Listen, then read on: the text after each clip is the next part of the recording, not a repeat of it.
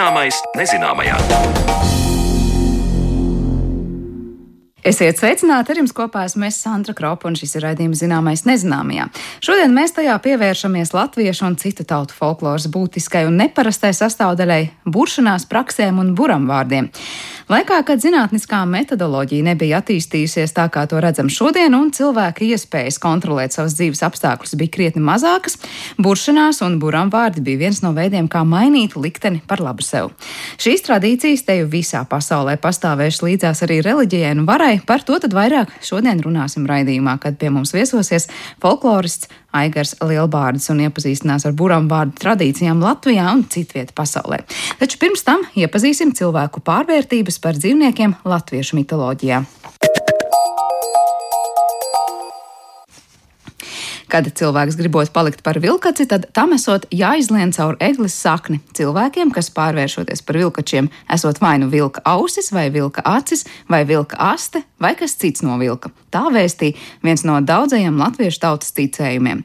Pārvērtības kā iespējas vai kā sots, par ko cilvēks varēja vai kā tika pārvērsts un kā tas notika, to mana kolēģi Zana Lāca Baltalksni jautās folkloras un literatūras pētniekam Ingum Borovskim. Pārvēršanās ļoti bieži saistās ar zināmiem pārbaudījumiem, kas galvenajam varonim ir jāiztur.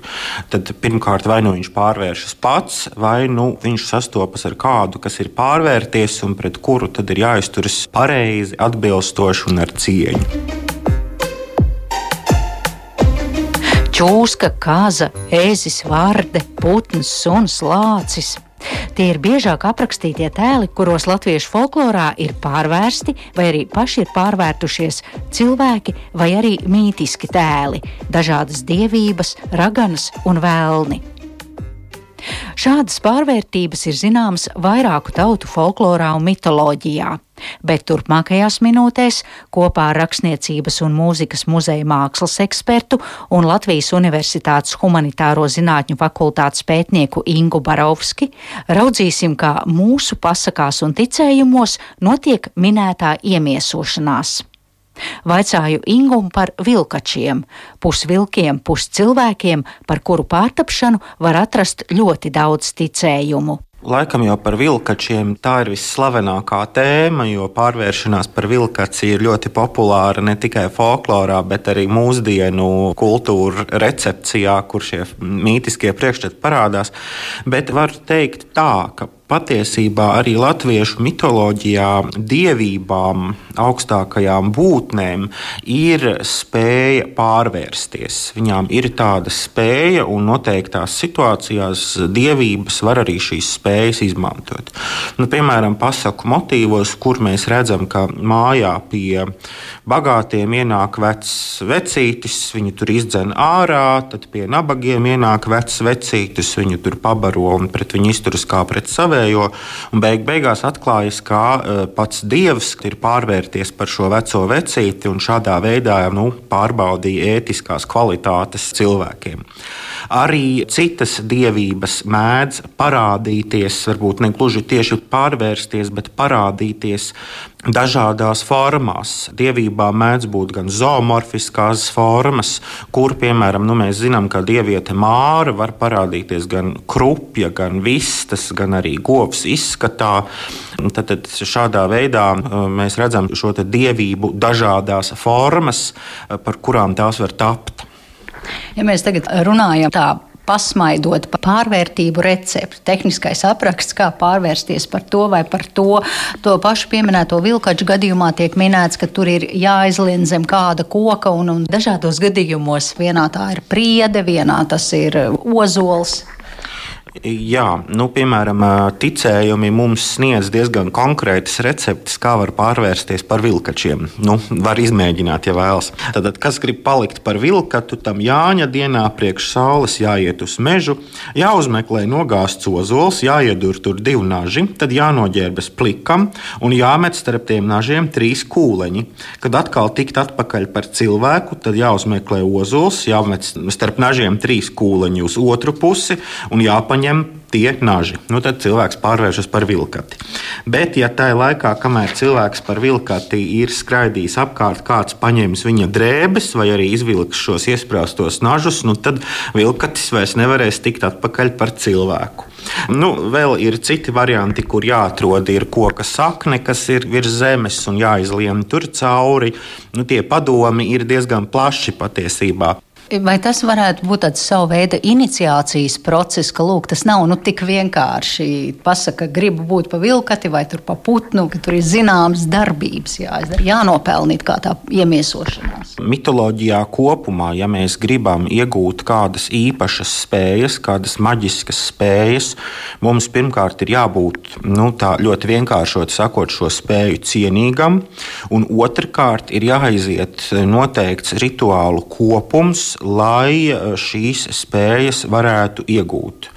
Visbiežāk jau šīs spējas tad, tad iegūst nu, tiešām izējot iniciācijas procesu, kur eh, nu, viena no tādām spējām var būt šī pārvērtība, lai gan tajā pašā laikā nu, palikt piemēram par vilkati.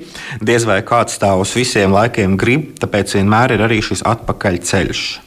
Skatot vēl uh, par pārvērtībām latviešu mitoloģijā, kuros brīžos tā pārvērtība ir kā sots un kurā brīdī kā spēja? Kā spēja tā ir tajos brīžos, ka, kā jau minēju, kad ir jāiziet kāds pārbaudījuma kopumā process.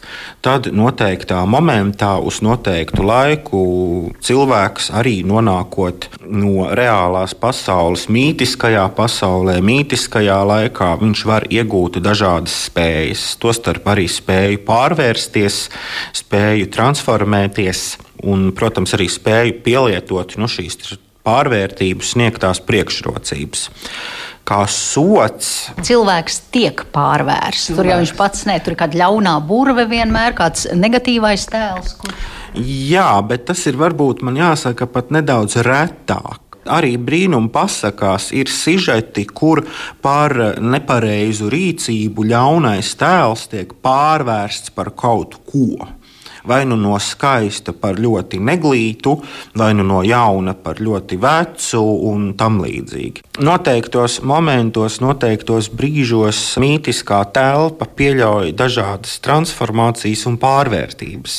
Mēs varam tapt par to, kas attiecīgajā brīdī ir nepieciešams situācijas risinājumam, vai arī saņemt sodu. Ja ētiskās rakstura kategorijas tā mūsdienīgi sakot nav izsmeļotas izturētas. Viens no piemēriem ir pasaka par mātes meitu un bārenīti, kur bārenītei ragana par kalpošanu ir uzdāvinājusi lādi ar zeltu, un arī īstā meita mantkārības dzīta aiziet pie raganas. Bet tur viņa sunīti un kaķīti kājām spēr, raganu pirtī per ar nātrām un uz augstas slāvas, un par to mājās ir atvedusi lielu sarkanu lādi. Gribēja celt lādi no karietas ārā, skatīties, kas būs iekšā, bet tikko pieķērās pie lādes, te vāks ar lielu troksni atsprāga vaļā, lielas ugunsliesmas izšāvās no lādes un pārvērta māti un meitu pelnos. Tālāk skatāmies uz tām pasakām, kur bezbērnu pāriem Dievs piešķir bērnu eža, kaķa, vardes vai putna izskatā, un kad bērns ir pieaudzis un aprecis, tad, piemēram, ezīša sieva vai vardes vīrs to dzīvnieka ādu aiz nezināšanas sadedzina. Un pēc moku pilna laika galvenais varonis beigās var pieņemt cilvēka izskatu pavisam.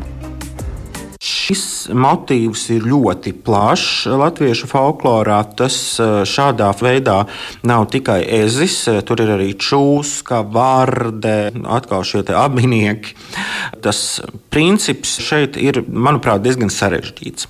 Ēzis, čūska, vārde eh, iemieso cilvēka vēl nedzimušo formu, viņa pirmformu ciešu saistību ar zemi, ar lielās pirmātes ķermeni, lielās pirmātes dzemdi. Nu, varētu teikt, ka tas ēzis čūska vārda ir kā cilvēks pirms piedzimšanas. Un iniciācijas rituāla laikā šim cilvēkam, nu, šim pirmcilvēkam, ir jāiztur pārbaudījums, kura rezultātā viņš no šīs pirmformas, no, no šī dzīvnieka, no abinieka pārvēršas cilvēkā, iegūst cilvēka formas. No eža kažociņā to kažociņu sadedzina, un tad viņam vairs nav citas izvēles, bet viņš jau ir izturējis visas cīņas un pārbaudījumus. Citos variantos tā tad čūska, piemēram, pati sevi prasa sadedzināt, un tad pārvēršas par uh, skaistu princesi. Līdzīgi arī vārde pārtop par skaistu princi vai princesi tajā momentā, kad eh, šis eh, tēls ir izturējis pārbaudījumu. Bet arī šis faktiski ir divos ceļos. Proti, tad, kad tas ezītis pats darbojas, tad mēs saprotam, ka šis iniciācijas process ir viņa paša pārvērtībai par cilvēku. Bet ir vesels pasaku klāsts, kur šo pārvērtību tam radījumam nodrošina kāda cita pasaku tēla darbība. Tas var būt ķēniņdēls, karaļdēls, trešais tēva dēls un tā tālāk. Un tad, ja viņš iztur to pārbaudījumu, tad viņam kuram tiek dota iespēja savukārt to vārdi, piemēram, pārvērst par princesi un dabūt karaļvalsti un visu pārējo, ko nu vien var pēc tādiem smagiem darbiem dabūt. Tas ir tā kā balva. Ja? Jā.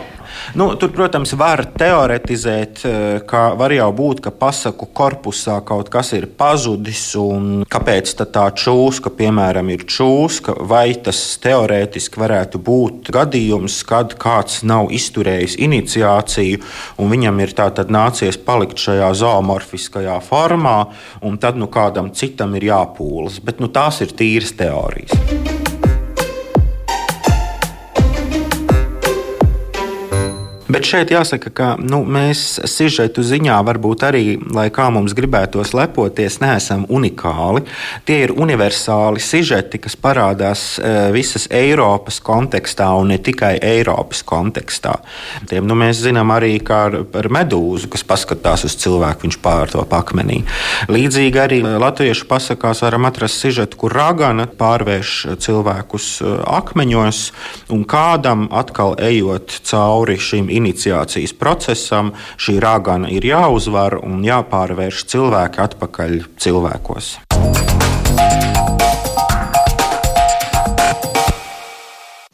Par pārvērtībām un maģisko dzīvnieku un cilvēku pasaulē latviešu mitoloģijā dzirdējām Zānes Lācis Baltāksnes sižetā, taču turpmākajās minūtēs pievērsīsimies pušanās tradīcijām vēsturē.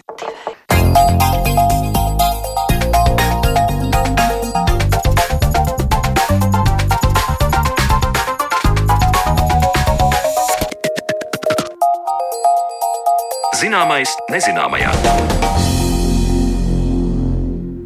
Vārdam ir liels spēks, tam ir ticējuši mūsu senči visā pasaulē. To pierāda buršanās tradīcijas, ko cilvēks ir piekopusi tūkstošiem gadu, uzticot savu likteni vai bēdu augstākam spēkam. Dzīve mainīgā pasaulē, kurā cilvēks atstāts likteņa varā, noteikti ir viens no iemesliem, kāpēc latviešu folkloras krātuvē vien ir vairāk nekā 54 tūkstoši buramvārdu variantu. Šīs tradīcijas un pašus buramvārdus arī šodien iepazīsim tuvāk, un tāpēc studijā es sveicu Latvijas Universitātes literatūras literatūras, folkloras un mākslas institūta pētnieku folkloristu Aigaru Lielbārdu. Labdien! Labdien! Es saprotu, ka pavisam nesen ir aizvadīta starptautiska konference, kas veltīta tieši buramvārdiem un buršanās tradīcijām attiecībā gan ar varu, gan uh, reliģiju. Bet pirms mēs pievēršamies sīkāk par pašiem buramvārdiem un to, kādas tās attiecības dažādos laikos ir bijušas, es gribēju vaicāt, vai tas nozīmē, ka šobrīd arī starptautiskā mērogā šīs buršanās tradīcijas pētniecība ir kas ļoti aktuāls, vai šobrīd tāds, nu, kam pievēršas dažādās valstīs pētnieki un labi zināt lietu, vai, vai kā Gluži pretēji, ļoti nezināma lieta. Um, kā jau visas tēmas pētniecībā, ir gan kaut kas zināms, uh, gan pazīstams, un tāpat arī uh, tā kā disciplīna pastāv un pētniecība pastāv, tad arī vien, ar vienu kaut kas jauns tiek atrasts vai izzināts.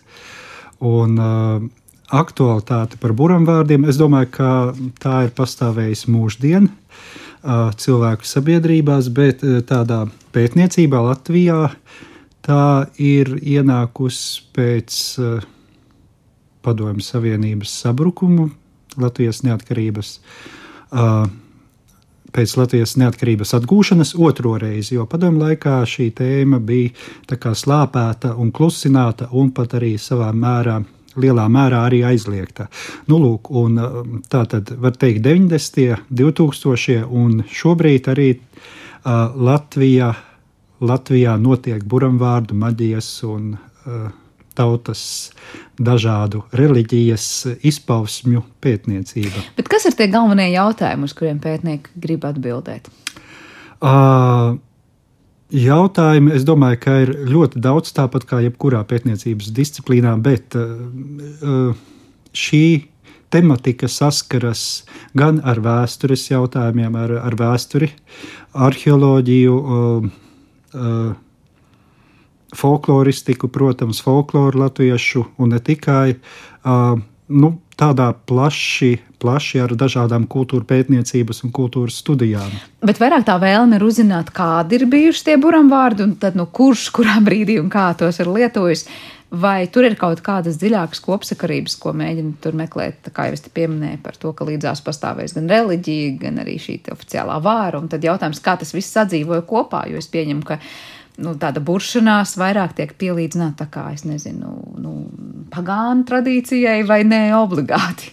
Jā, nu, katrā laikā ir rastas vai mēģināts rast atbildēt uz dažādiem jautājumiem. Starkara periodā jau buramvārdu tradīcijas pētīja gan Kārlis Straubergs, mēs zinām, Pēteris Šmits un arī citi folkloras pētnieki un mitoloģijas pētnieki. Un katrs laiks kā, mm, ir interesants ar, ar, ar jaunām tendencēm, ar jaunām, jauniem jautājumiem, uh, ar jaunu skatu uz šo pašu, varbūt šo pašu buramvārdu uh, tematiku. Un, šobrīd mēs redzam, ka tā interese ir diezgan plaša arī pētniecībā, Eiropā, Eiropas burbuļvārdu. Mēs, nu, es pa visu pasauli nevarēšu tā plaši nosegt, bet tātad Eiropā, ko mēs zinām, kādā veidā mēs sadarbojamies, šī pētniecība notiek, pastāv, un, un arī šī jau konference bija arī uh, vērsta uz to, lai mēs izzinātu, kā buramvārdu tradīcijas, paši teksti un dažādas prakses, dažādi pielietojumi praksē eh, laika gaitā ir mainījies un kas šobrīd ir aktuāls. Ja mēs runājam par to, kāda ir tā tematika, nu, skatoties tajā buramvārdu, es nezinu, klāstā, kā jau es teicu, vairāk nekā 54,000 buramvārdu variantu, ja ir latviešu folkloras krātuvē, tad saprotu, ka liela daļa no tiem paredzēta dažādu slimību un traumu ārstēšanai, tad, tad gan cilvēkiem, gan mājlopiem, starp citu, jā, tas nav tā, ka tikai cilvēks cilvēkam.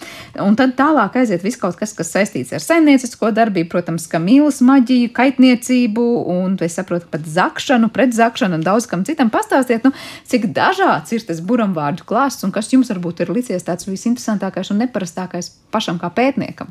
Jā, nu, jūs jau nosaucāt diezgan plašu klāstu šo dažādu pielietojumu, dažādu uh, vajadzību, kam tika izmantoti, vai, un vai arī vēl joprojām tiek izmantoti buramvārdi. Uh, Jāteic, ka šis, šis skaitlis, ko jūs nosaucāt, eh, vairāk kā 54,000, tas ir veidojies ilgā laika posmā.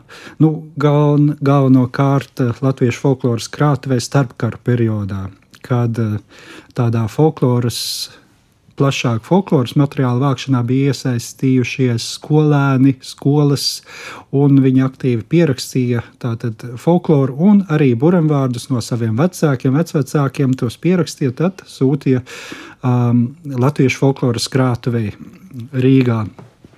Un tā, tas, tā šis krājums ir veidojies galvenokārt jā, tātad, starpkara periodā, padomu laikā ļoti maz ir nācis klāt buramvārdu mūsu krājumā, un atkal tāda interese sabiedrībā un arī vēlme piedalīties tādā folkloras vākšanas, saglabāšanās, kultūras saglabāšanas darbā ir arī tieši pēdējos gados. Um, Par to, cik sen ir šie buramvārdi, saprotu, ka senākais pieraksts ir veikts 1584. gadā, kur konkrēti Rīgas raganu prāvu protokolā tas ir minēts. Un liekas, nu, uz visu citu tautu fona, ko jūs piesaucāt arī Eiropā, šeit gan tas apjoms tas ir daudz vai maz. Tas 1584 tas ir sen vai netik sen. Proti, nu, kā izskatāmies, vai salīdzinoši tas krājums ir labi apzināts pie mums? Jāteic, izskatāmies ļoti labi, ja tā var teikt, jo mūsu krājums ir diezgan liels. Jā, bet eh, kaimiņiem, Igauniem mazāks, eh, tas ir mazliet vairāk kā desmit tūkstoši tekstu vienību lēšiem, lietuviešiem vēl mazāk, bet ir jāņem vērā tieši šī starpkara perioda skolu un skolēnu iesaiste, kas radīja šos daudzos variantus. Jo katra vienība, katrs buramvārdu teksts, kurš ir pierakstīts, tas ir arī atsevišķi, atsevišķa Tur var būt viņi ļoti līdzīgi, blakus stāvoši teksti, bet tā tad katrs veido vienu vienību, un tā tas skaitlis. Pat ja mazliet atšķiras, tad Jā, tas ir kādi dažādi.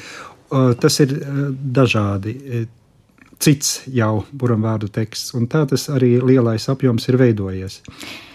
Mums šeit eh, mazliet citā vēstures kontekstā bija sarunas, kur mēs runājām gan par to, kā arī dažādas tautas dziesmas tika vāktas un padomju laikā, nu, ka mēģināja ļoti daudz atrast tādas padomju varu slavinošas dziesmas, kuras varbūt nemaz nebija tik daudz, un uh, cilvēki varbūt paši arī tās izdomāja. Vai šeit var novilkt robežu un teikt, ka tas, ko padomju laikā vāca tie skolēni, nebija tas, ko viņi paši izdomāja varbūt par kādiem buram vārdiem? Proti, vai var izsakot līdzi, cik ticams ir tas ievāktais materiāls?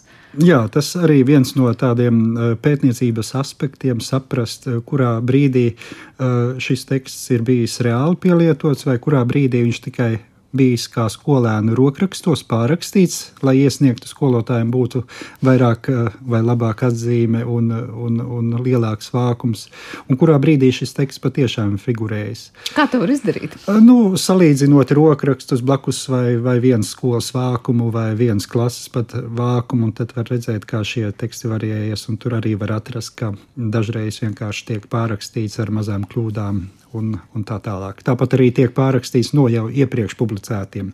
Bet tas, jā, 30. gadu skolēnu vākumi un padomu laikā. Uh, praktiski ļoti maz pierakstīti. Uh, atgriežoties pie 1584. gada, um, Tas ir pirmais buramvārdu pieraksts latviešu valodā. Eh, tas ir noticis eh, Rīgā, Rīgas eh, kādā raganu prāvā, tiesas protokolā ir pierakstīts šie te grūti atšifrējamie, grūti salasāmie buramvārdi latviešu valodā. Un arī nepilnīgi. Tas ir pirmais latviešu valodā.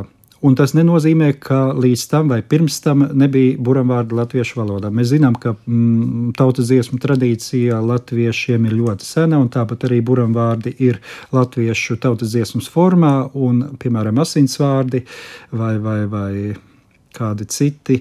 Uh, un, uh, Tātad šī tradīcija ir jau, protams, bijis senāka un pastāvējusi vēl pirms šī pieraksta. Un tas ir jautājums par pierakstīšanu, tieši par rakstīšanu tautām vai sabiedrībām, kultūrām, kurām ir senāka rakstu tradīcija.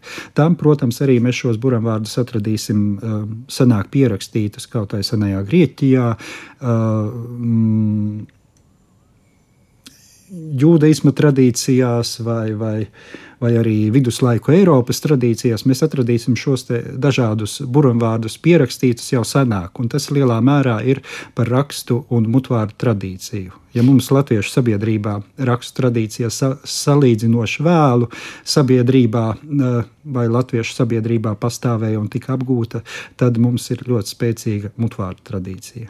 Bet tas, kā tās ir saglabājušās, tad no paudzes paudzē tos buramvārdus nodeva, kā es nezinu, vienkārši nu, līdzīgi kā es nezinu, kaut kādas tautas dziesmas mūsdienās mēs teiktu, nu, vecmāmiņa zināja ko tādu, vai tas ir tiešām zināms, ka to pielietoja, un tā bija gandrīz vai tāda, nu, es nezinu, dzimtas mācība, ko turēja tūpie sirds un nodeva no paudzes paudzē. Cik daudz ir zināms par to laiku, kad varbūt to nepierakstīja, bet mutvārdos nodeva?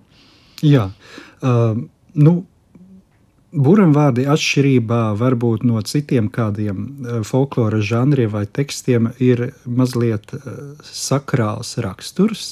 Eh, tie nav skaitāmi vai izmantojami tādās ikdienas situācijās, nu, gan arī ikdienas, bet īpašās situācijās, piemēram, kādiem mērķiem tad buramvārdi mums ir kādas traumas ārstēt vai, vai, vai, vai, vai mm, dažādas mm, veselības likstas sarežģījumus, vai saimniecībā mm, dzīvniekiem, lopiem kaut kas notiek. Un tad mums ir dažādi mūsu tradīcijā, ne tikai mūsu tradīcijā, bet visā Eiropas tradīcijā ir dažādi buravārdi un šīm uh, dažādām vajadzībām. Tātad tie ir īpašas reizes, īpaši gadījumi, ar kuriem, protams, neviens labprāt nesaskartos varbūt lielā mērā tie ir traumatiski. Un tad šie buramvārdi ir kā viena daļa no kaut kādas ārstniecības, cietniecības pieredzes.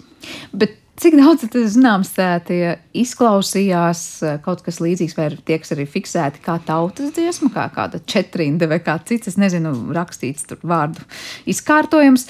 Uh, tas ir kaut kāds, es nezinu, transam līdzīgs kaut kāds stāvoklis, kurā cilvēki ir nonākuši un kaut ko tur runājuši. Ko mēs zinām par to, kā tā buršanās tur notika un kā tas viss izklausījās? Nu, lielā mērā tas, kas nav pierakstīts vai ko. Mm, ticējumos vai latviešu folklorā mēs neatrodam, tad tā būs tāda uh, interpretācija par to, kā varēja būt. Jo tomēr uh, arī folkloristika ir zinātne, un tomēr jāpieturās pie kādiem rakstītiem vai, vai drošiem, vai samērā drošiem avotiem. Ja, mums, ja mūsu kultūrā trūks šo datu, tad mēs varam paskatīties blakus tautās. Varbūt mēs kaut ko atrodam līdzīgā tradīcijā, kā šie buramvārdi ir tikuši izmantoti. Piemēram, Jēzuītu uh, priesteris Mārtiņš Del Rio un teorētiķis uh, 17. gadsimta, 16. un 17. gadsimta uh, mijā uh, Spānijā domājams jau aprakstīja veidu, kā ārstēt mm, zirgu vīveles, piemēram. Savukārt šādu pašu līdzīgu tradīciju, līdzīgus paņēmienus un līdzīgu tekstu mēs atrodam vēl 20. Piemēram, 20. gadsimta sākumā šeit Latvijā. Un tas ir uh, Vīveles, man liekas, zirgiem tā ir tāda tautas dziedniecības vai ārstniecības ļoti tāda viena no izplatītākajām vai zināmākajām uh, vainām, pie kurām tad uh, tiek meklēts uh, vārdotāja palīdzība. Tā. Kas bija šie vārdotāji? Tad tie, kas šos buramvārdus izteica vai šo buršanos piekopa, tie bija nu, tas, ko citos laikos mēs saucam ragana vai kāda īpaša zintniece, es nezinu, zīlniece, vai nezinu, katrā ģimenē gan arī pa vārdotājiem pašam bija. Nu, proti, kā cilvēks saprata, kurš tad to nodarbojās? Jā, ir mm, tradīcijās, latviešu tradīcijās paredzēts vai, vai tradīcijās. Tradīcijas paredz, kādā veidā tiek iegūtas vai pārmantotas šīs zināšanas, bet nebūtu arī ne visi, kas varēja ārstēt dažādas uh, vainas vai, vai, vai mm, pielietot šos buramvārdus, zināja buramvārdus. Ne visi arī bija tādi plaši vai mm, lielākā sabiedrībā izslavēti ārstnieki vai dziednieki. Uh, Un savukārt, skatoties pagātnē, eh, vēsturiski mēs redzam, ka eh, ļoti daudzi buramvārdi, kurus eh, latvieši izmantoja, un tie ir pierakstīti vēl tādā starpkara periodā, iesniegti latviešu folkloras krātuvē, mēs redzam, ka tie ir tādi plašākā Eiropas areālā jau varbūt 12. un 13. gadsimtā sastopami buramvārdu, buramvārdu teksti. Uh, Un uh, tad mēs uh, varam secināt, ka šī, šī mūsdienu, nu ne mūsdienu, tātad 19. gadsimta latviešu buramvārdu vai vārdošanas tradīcijas ir iegūst tādā plašākā kultūras areālā un arī ir ļoti cieši saistīta ar um, kristietības uh, tradīcijām, tieši ārstēšanu, dziedināšanu, jo piemēram, apvārdot sāli vai apvārdot ūdeni. Um, tā bija tāda mm, pamatlieta, uh, kādā veidā viduslaiku priesteri eh, gan dziedināja slimos, gan arī um, uh, veica dažādas attīrīšanas vai garu izdzīšanas un tā tālāk. Un mēs redzam, ka vēl 20. gadsimtā šādā pašā veidā arī darbojas uh, dziednieki vārdotāji tepat mums Latvijā, un viņi apvārdo sāli vai apvārdo kādas vielas, ar ko var, ko var, ko var pēc tam izmantot ārstējot slimo vietu vai, vai kādu izvairīties vai tikt vaļā no kādas nelaimes. Es tieši gribēju jautāt, kādas bija tās baznīcas un kristietības attiecības ar šādu praksi, bet tad sanāk, ka patiesībā tajā pašā kristietībā tas nebija svešs. Protams, ka nebija svešs. Tā tad mūs, mūsdienu kultūra, ja mēs neskatāmies uz pagātni, ļoti romantizēti, tomēr tā ir dažādu kultūru, dažādu ietekmju um, sajaukšanās, līdzās pastāvēšana un savstarpēji ietekmēšanās. Un mūsdienu tādās kultūrā, arī to starp buramvārdos, mēs redzam tātad dažādas pagātnes ietekmes un kristietības tradīcijas viduslaiku dziedniecība, ārstniecība nav sveša, teiksim, tādā, ir palikusi, pārveidojusies, bet tomēr palikusi arī vēl 19. un 20. gadsimta tādas tautas tradīcijas lietojumā. Bet tolaik, piemēram, ja mēs runājam par tās kristietības sākumu, varbūt periodu Latvijas teritorijā, es saprotu, pareizi līdzās sadzīvoja gan tā kaut kāda buršanās un tās buramvārdu un dziedniecības prakses uh, baznīcā, un arī tā saucamajā tautas, es nezinu, vai medicīnā, vai tautas, nu, tā kā ārpus baznīcas laicīgajā kaut kādā līmenī. Uh, un kā, kādas bija tās attiecības, proti, vai baznīcai bija pieņemams tas, ka varbūt līdzās ir kaut kāda tur tautas tradīcija, kā ārstēt kaut ko vai kā no kaut kā izvairīties sev par labu. Vai ir zināms par to? Vispār? Jā, nu, kaut ko mēs zinām. Mēs varam balstīties uz arheoloģiju, uz, uz kādiem vēsturiskiem avotiem, kaut vai Indriča kroniku vai vēl kādām, uh, kur ir minimālas ziņas, un no tā mēs varam kaut ko secināt. Bet um, uh, tā droši gūt plašāku priekšstatu par to, kā bija, to mēs īsti šobrīd nevaram. Mēs varam no detaļām kaut ko izsecināt uh, par to, kāda bija tā ārstniecības prakse. Uh, Arheoloģija saka, ka 10. un 12. gadsimts galvaskausa trepanācija vai asins nolaišana bija zināma Latvijas, latviešu mastautu, mastautām. Tāpat mēs arī zinām, ka dažādus buramvārdus arī jau Indriča kronikā piemin, kā tikuši izmantoti no kristīgās ticības sludinātāju vidū. Uh, mēs redzam, ka līdzīgas tradīcijas vai medicīna, tautas medicīna ir pastāvējusi gan latviešiem, kas vēl uh, varbūt ar uh, rietumu kristīgo tradīciju nebija pazīstami, tāpat arī e, šiem reliģijas sludinātājiem bija zināmas e, dažādas dziedināšanas e, metodes un paņēmieni. Nu, Protams, tas līdzās sadzīvoja, tas pastāvēja gan vienā, gan otrā pusē jau arī pirms tās kristietības parādīšanās šeit, un savukārt kristietība ienākot tāpat nes līdzi šīs dziedniecības tradīcijas. Jā, bet es negribētu teikt, ka mēs varam šķirt viena vai otra puse, jo atnākot katolicismam, agri, agrīnajam katolicismam Latvijas teritorijā, mēs zinām, ka daļa Latvijas jau bija pazīstama ar austrumu pareizticīgo baznīcu. No, un tā kā mēs nezinām, cik tālu mēs varam atkāpties pētot arī šīs tradīcijas. Kā ar tiem vēlākiem varbūt laikiem, vai, nu jā, jebkurā patiesībā laikā, baznīca viena puse, bet kā ir ar to, nezinu, kādu citu vāru, oficiālo vāru, kas, nu labi, mēs zinām par padomju savienību, jā, ka tur bija pilnīgi noteikti pat pētniecībā ļoti grūti laiki par buram vārdiem. Kāda tā attieksme bija no valdnieku puses? Nu, te jāskatās, ka dziedināšana un arī mūsdienās um, konvencionālā medicīna tomēr ir no vienas puses tāda labdarība, no otras puses tas ir ienākumu gūšanas avots. Un uh, ienākumu gūšanas avots nereti tiek kaut kādā veidā normēts. Un uh, kristīgā pasaule, kādu mēs uh, skatoties pagātnē, kas bija vienlaikus gan ekonomiskā, gan uh, garīgā, gan, gan uh, laicīgā vara, viņa arī noteica to, ka, ko drīkst vai kādā veidā drīkst ārstēt. Un, ja šī ārstēšana priekšroka tiek dota, piemēram, katoļu priesterim viduslaikos vai mūkam, tad Uh, tas ir arī ienākumu gūšanas avots, jo par, par noteiktu pakalpojumu tātad arī tiek saņemta samaksa. Tāpat arī um, viduslaikos, viduslaiku Rīgas uh, amatu šrāgas, kas aprakstīja, ko drīkst darīt latvieši.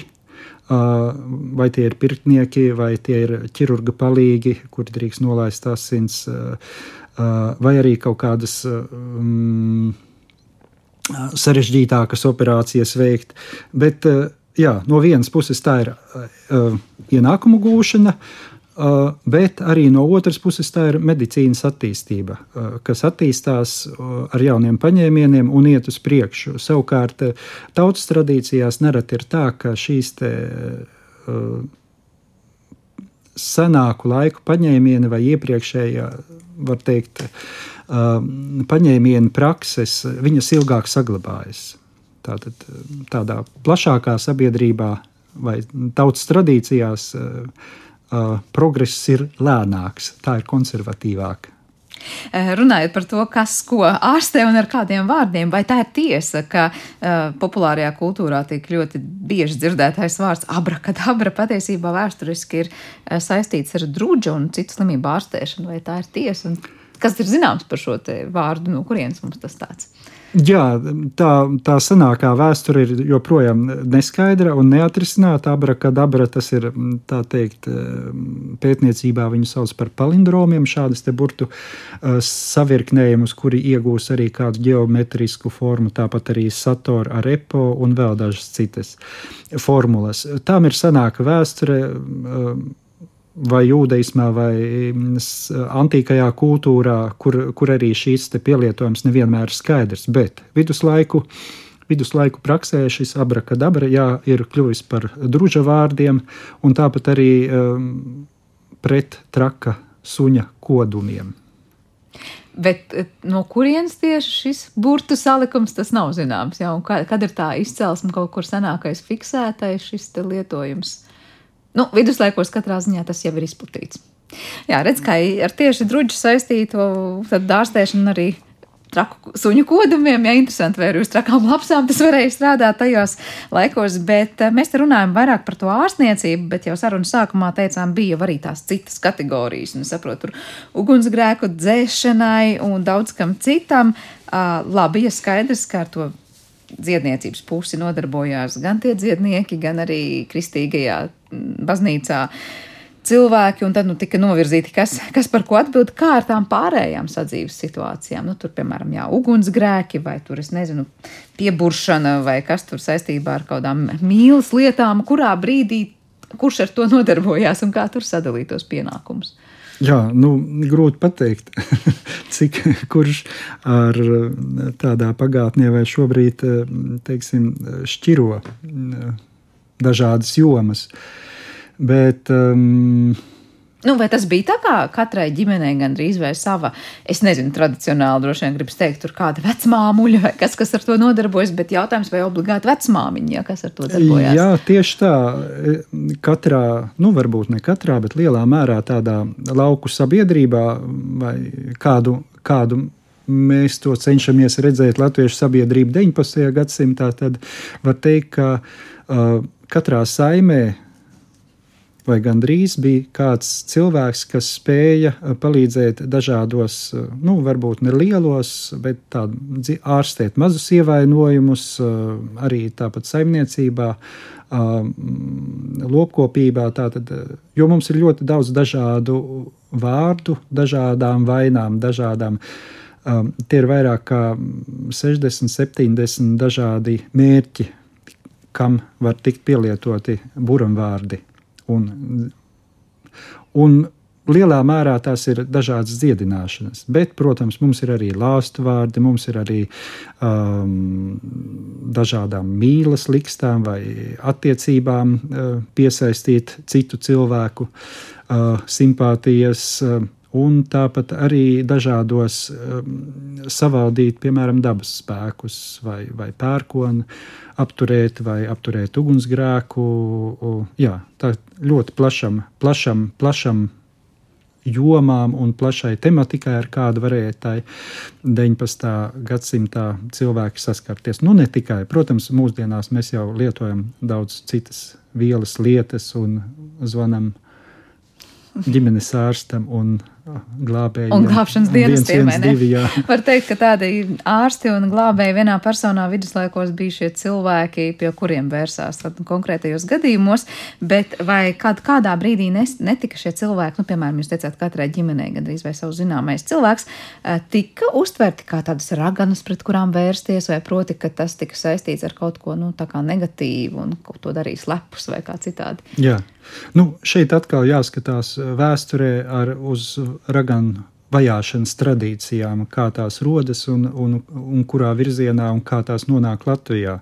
Ja mēs zinām, sāk, pirmās uh, raganu vajāšanas uh, iedibināja katoļi ar, ar uh, tātad raganu veseri, un vēlāk uh, Latvijas teritorijā raganu vajāšanas realizē tieši luterāņu puse, kad uh, 1582. gadā uh, Latvijā m, tātad ienāk Stefans Batorijas. Latvija tiek pārdalīta starp luterāņu un katoļu ietekmes daļām, un tā daļa, kas, kas senāk vai agrāk, ilgus gadsimtus bija katoļu pārdalīta raudzībā. Tur arī, protams, šīs te, uh, vārdošanas, dziedināšanas tradīcijas bija cieši sajaukušās ar tautas tradīcijām un pastāvēja. Un ienākot vai nodibināties Lutāņu kārtībai, kā katra jauna kārtība, tad arī tiek revidēti iepriekšēji ieradumi un tostarp arī dažādas tradīcijas. Un, uh, šīs raganu vajāšanas bija viens no e, jaunās kārtības iedibināšanas paņēmieniem, un tās vērsās pret uh, iepriekš pastāvējušām vai lietotām praksēm sabiedrībā, tostarp arī dziedināšanu un vārdošanu, ko uzskatīja tātad vai, vai plašāk pret katolicisma uh, reliģiju vai, vai ticību, uh, ko uzskatīja tā kļuva par maģiju un, un, un tā tad vajājamu. Nu, pret no, maģiju tad jā, sākās jā, tā vēršanās. Jā. Mums, diemžēl, jau jāliek punkts sarunai. Gribējās vēl pavaicāt, nu, līdzīgi kā tas abrakadabra ir kaut kas, kas tiešām populārajā kultūrā ir zināms ārpus arī Latvijas teritorijas. Vai ir kāds vārds vai, es nezinu, teiciens vai, vai burtu savirknējums, jūsuprāt, kas būtu raksturojams kā tāds, nu, populārais latviešu buram, buram vārdu klāstā? Kas ir tāds piemērs, kuru noteikti varētu minēt, nu, kas būtu jā, latviešu buram vārdu neatņemama sastāvdaļa? Uh, es teiktu, jā, aicinātu jūs apmeklēt Latviešu folkloras krātuves Garamantas digitālo arhīvu. Tur ir arī um, latviešu buramvārdu digitālais katalogs. Tur jūs pēc grupām, pēc, dažā, pēc dažādām vainām, pēc pielietojuma varētu atrast arī dažādus buramvārdus. Uh, ko papētīt, paskatīties interesantiem, varbūt arī praktiķiem. Uh, bet uh, kas tāds tieši latviešiem raksturīts, tas ir uh, latviešu tautas dziesma, kas jau pat par sevi ir tāds uh, simbols, simbolisks uh, tautas poēzijas, tautas dzējas uh, paraugs, un uh, arī buramvārdi ir šajā te, uh, tautas dziesmas metrā, uh, stilistikā un uh, Manuprāt, tas ir burvīgi. Tas nozīmē to, ka um, buramvārdi latviešu sabiedrībā ir buramvārdu tradīcijas pastāvējušas tikpat ilgi vai tikpat senas kā arī latviešu tautas dziesmas. Katrā ziņā garumanta salvējai ir tās vietne, Jā. kurā ir jāskatās tiem, kam interesē konkrēti piemēri. Paldies jums par šo sarunu. Es saprotu, ka pētniecība vēl ir tikai savā sākuma punktā, ja jau ļoti daudz lietas tiek pētīts un starptautiski arī par to tiek diskutēts. Lai veiksmi visos tālākajos pētījumos un atgādināšu, ka šodien pie mums viesojās Latvijas Universitātes literatūras, folkloras un mākslas institūta pētnieks folklorists Aigars Lielbārdas. Ar to arī raidījums ir izskanējis un to producēja Paula Gulbinska par mūziku gādāja Girds Bišs, skaņu režijā bija Kristīna Dēle, bet studijā ar jums kopā ir Sandra Kropa un vēlot visiem veiksmīgu dienu, no jums atvados līdz rītam.